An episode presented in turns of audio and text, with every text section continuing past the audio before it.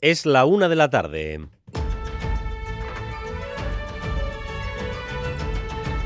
Crónica de Euskadi con Dani Álvarez. A Rachaldeón, Euskadi se queda atrás en la generación de energía y sobre las eólicas solo hay consenso en dos cosas. Una, que necesitamos generar más y dos, que casi nadie quiere molinos al lado de casa. Pero diciendo no, ni nuestro tejido productivo ni los consumidores ven resueltas sus necesidades. Así que se sigue dando vueltas en círculo a debates como dónde se sitúan los próximos parques. En medio de estos debates está emergiendo poco a poco una corriente que puede ser la única que satisfaga a todos. Más parques en más lugares, pero más pequeños.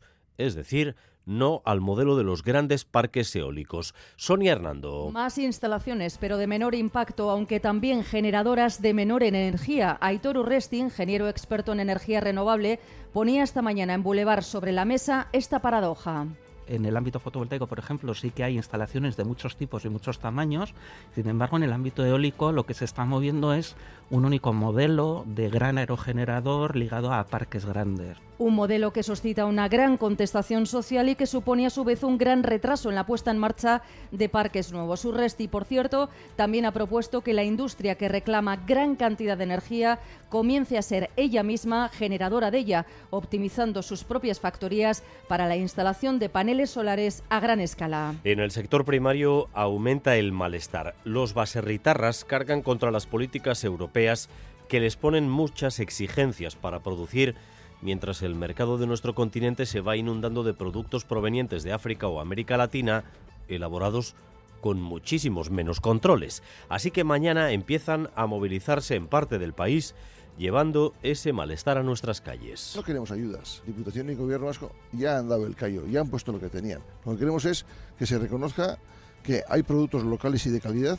y no, no sean amenazados por toda esta invasión que tenemos del exterior de productos que no cumplen, no están sometidos a estos controles y sean una competencia desleal. Ya lo ven desde el sindicato ENVA, por ejemplo, hablan de invasión y competencia desleal. Y el candidato a, a Lendakari por el Partido Popular, Javier de Andrés, afirma que su formación no volverá a tropezar en la misma piedra en la que tropezó tras las elecciones de mayo no volverá a darle un apoyo gratis al PNV solo por evitar que gobierne Euskal Herria Bildu. Entre otras cosas, dice Javier de Andrés, porque ya son prácticamente lo mismo. Lo que pasó en Guipúzcoa y en Vitoria, en el cual el Partido Popular votó los candidatos de PSOE y PNV sin que siquiera se nos pidiera el voto, eso anticipo que no va a suceder. Pero es que ahora son ellos mismos los que ya no se perciben distintos. Aquel suelo ético que distinguía a PNV y al PSOE respecto de Bildu, o ya ellos mismos han renunciado a él. No sé por qué me lo tendría que creer yo. Yo veo una sintonía permanente. Ha empezado el juicio contra el exfutbolista Dani Alves por violación un juicio con una enorme atención mediática y unas medidas de protección de la privacidad de la víctima inusuales. Blanca Díez. Más de un año ha transcurrido desde que el futbolista Dani Alves ingresó en la prisión de Brians acusado de violar presuntamente a una joven de 23 años en los baños de una discoteca de la ciudad condal. Hoy se sienta en el banquillo de los acusados de la audiencia de Barcelona después de haber dado durante estos meses distintas versiones de lo que ocurrió aquella noche. En estos primeros compases del juicio, que se va a prolongar hasta el miércoles, su abogada ha pedido la nulidad del juicio porque se han vulnerado los derechos de su defendido y ha tenido un juicio paralelo. A esta hora acaba de comenzar la declaración de la víctima, lo hace a puerta cerrada y se distorsiona su voz y su imagen para evitar posibles filtraciones.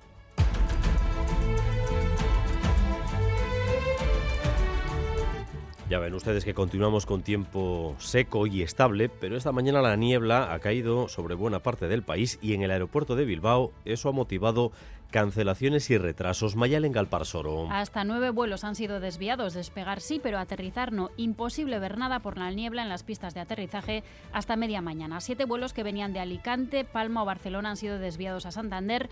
Otro procedente de Tánger ha ido a Madrid y un noveno vuelo que ha salido de Londres ha tenido que aterrizar en Biarritz. Pasadas ya las 11 de la mañana y con menos niebla ha podido aterrizar el primero de los vuelos que venía de Múnich y a partir de ahí está volviendo poco a poco la normalidad, aunque los desvíos también han condicionado las salidas y cientos de pasajeros se han visto afectados por los retrasos en sus vuelos de esta mañana. Ya les adelantamos que, según la previsión de Euskalmet, no se esperan cambios en el tiempo, al menos hasta finales de semana. Así que vamos a continuar con este tiempo seco y soleado durante varios días más. 13 grados, por cierto, ahora mismo en Bilbao y en Donostia, 11 en Bayona, 10 en Pamplona y 7 en Vitoria-Gasteiz. Y la Corrica Cultural estrenará en el Gallarre de Iruña Xiberúa Cantúa Loraturik, un espectáculo basado en las canciones tradicionales de Suberoa, pero renovadas desde la perspectiva contemporánea. Beñat y Julen Nashiari Michelle Echecopar y Maggi Oyenar son algunos de los artistas que protagonizarán el espectáculo producido por Loraldia. Se estrena el día 22 en el Gallarre. Julen Achiari. Egia da, garaikide bezala presentatzen handela, ba, oizko kantuak biziarazteko beti berriz asmatu behar direla. Y vamos también con lo más destacado del deporte con César Pérez de Gazola, Zarracha León. César. Hasta don Dani, esta semana Real y Atlético van a buscar dar el primer paso hacia la final de Copa. Mañana juega el equipo de Imanol en Somox ante el Mallorca y el miércoles será cuando el conjunto de Chingur y Valverde visite el Metropolitano para medirse al Atlético de Madrid.